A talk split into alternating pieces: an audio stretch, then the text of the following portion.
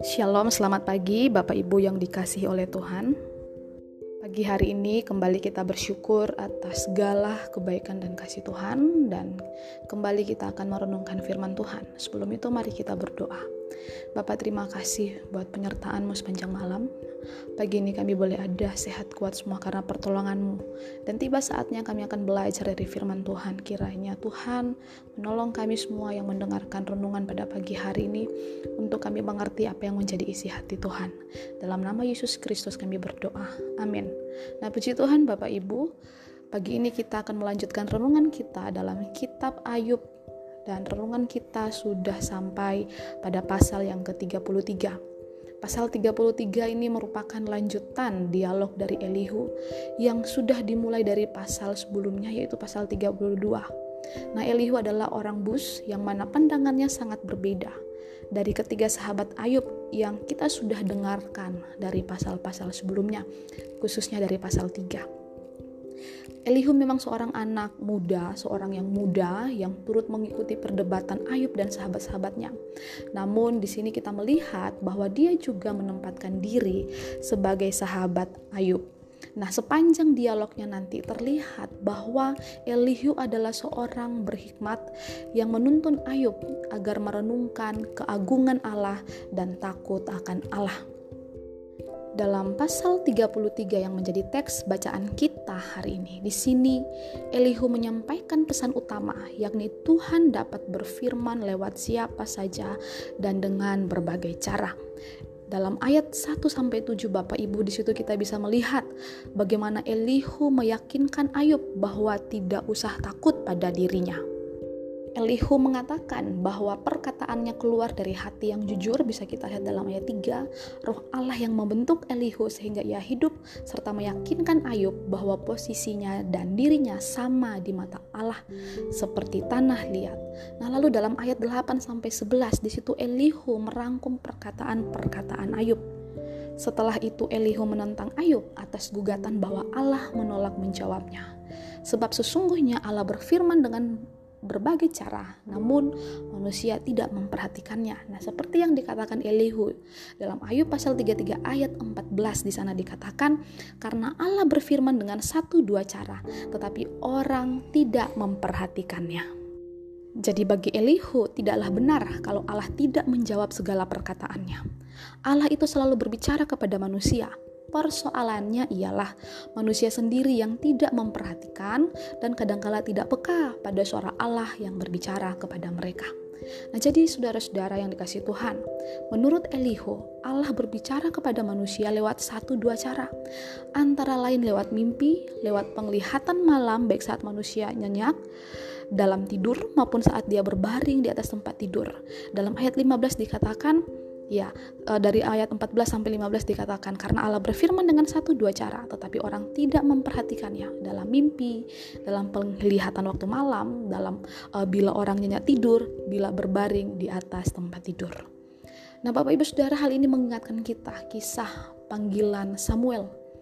Dan ini menjadi contoh bagus mengenai bagaimana Allah itu berbicara kepada manusia saat kita tertidur nyenyak Nah, pada masa Samuel, Allah jarang berbicara dan juga tidak sering terjadi penglihatan-penglihatan.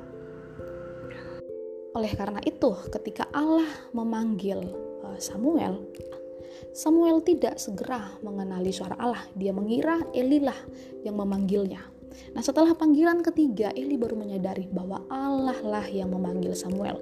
Oleh sebab itu, Eli berpesan kepada Samuel, apabila Allah memanggilnya lagi, maka Samuel harus menjawab, Berbicaralah Tuhan, sebab hambamu ini mendengar. Bapak Ibu Saudara, lebih lanjut lagi kita melihat bahwa Elihu memiliki pandangan positif terhadap penderitaan Ayub. Nah, alih-alih menyalahkan Ayub seperti yang dilakukan ketiga sahabatnya, Elihu melihat bahwa penderitaan itu merupakan cara Allah menegur manusia. Nah, dengan teguran-teguran semacam ini, Allah ingin membuka telinga manusia dengan harapan kita tidak jatuh dalam perbuatan jahat kita dan kita tidak jatuh dalam kesombongan kita juga. Nah, dengan kata lain Bapak Ibu Saudara, Bagi Elihu, penderitaan Ayub ini semacam obat ya dalam tanda kutip. Nah menurut Elihu, jika saat ini Ayub menderita, berarti Allah sedang menunggunya agar dia kembali ke jalan yang benar dan tidak jatuh dalam kesombongan dengan menganggap dirinya lebih benar daripada Allah. Dengan ini semua Allah menghendaki agar semua manusia selamat. Nah, namun Bapak Ibu Saudara kita melihat bahwa bisa dikatakan pandangan Elihu mengenai penderitaan selangkah lebih maju dibandingkan dengan pandangan ketiga sahabatnya, yaitu Elifas, Bildad, dan Sofar. Nah, jika mereka memandang penderitaan merupakan hukuman Allah karena manusia berdosa, Elihu memaknai penderitaan ini sebagai bentuk teguran Allah supaya manusia kembali kepadanya dan mendapatkan keselamatan. Nah, di sini Elihu tidak melihat kejahatan Ayub sebagai penyebab penderitaan. Namun, Bapak Ibu Saudara kembali lagi dalam kitab Ayub, pertanyaan, mengapa orang baik menderita masih belum mendapatkan jawaban dari dialog Elihu? walaupun sepertinya nampak bagus banget jawabannya. Nah, Elihu pun sesungguhnya tidak mengerti. Sesungguhnya seperti uh, ketiga sahabat Ayub bahkan Ayub sendiri sama-sama masih tidak mengerti alasan mengapa Ayub menderita. Nah, akan tetapi Bapak Ibu, di balik pembelaan Elihu terhadap Allah, nah kita bisa belajar bahwa tidak ada seorang pun yang mampu menyelami kebijaksanaan Allah termasuk keputusan Allah di dalam memperlakukan Ayub bahkan memperlakukan semua orang yang percaya kepada Tuhan. Di sini kita lihat bahwa kesalehan seseorang seperti Ayub itu tidak menjamin bahwa orang itu mampu menyelami kebijaksanaan Allah. Jadi Bapak Ibu Saudara sekalian, kita melihat perkataan Elihu ini benar dan apa yang dikatakannya memiliki makna mendalam walau eh, bahwa Allah memang berfirman kepada kita melalui rasa bersalah dalam hati dan Allah memakai penderitaan untuk membawa kita kembali kepada Dia. Nah, walaupun kembali kita melihat bahwa sebenarnya pernyataan atau jawaban Elihu ini tidak menjawab kebutuhan dari masalah Ayub namun dari ucapan Elihu kita bisa belajar bahwa Allah kita ketika mengizinkan penderitaan terjadi pada kita itu tidak selamanya oleh karena kejahatan kita tetapi karena Allah menunjukkan bahwa Dia adalah Allah yang berdaulat dan pekerjaannya tidak bisa diselami oleh pikiran manusia. Nah, itulah Allah yang kita sembah, Bapak Ibu Saudara. Allah kita adalah Allah yang kreatif.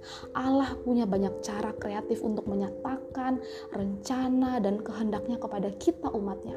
Nah, terkadang Bapak Ibu, penderitaan berat yang kita alami itu harus dilihat sebagai salah satu cara Allah berkomunikasi untuk menyatakan kehendak, kedaulatan, dan juga kekuasaannya terhadap kita. Jadi melalui penderitaan, pergumulan hidup, kita bisa berjumpa dengan Tuhan Bapak Ibu. Jadi tidak selalu penderitaan itu disebabkan oleh perilaku jahat seseorang. Selalu ada kemungkinan bahwa penderitaan seseorang itu terjadi akibat kesalahan atau kejahatan orang lain. Nah, contohnya Yesus Yesus mengalami penderitaan dan dan ia menerimanya sebagai salib yang harus dipikulnya. Yesus mengalami penderitaan oleh karena dosa-dosa manusia bukan karena Yesus berdosa. Jadi Allah dapat berbicara kepada kita melalui pengalaman hidup yang bisa dibilang yang nyata.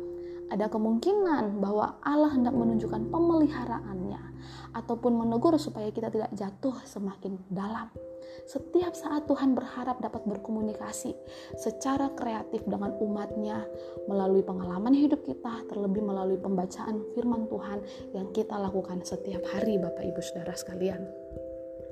Jadi Bapak Ibu Saudara yang dikasih oleh Tuhan, jikalau saat ini kita mengalami masalah atau bahkan penderitaan yang bertubi-tubi, kiranya kita menyadari bahwa kita ini adalah manusia fana dan kita tidak ada apa-apanya di hadapan Allah ketika kita sudah mengalami salah satu, satu penderitaan saja.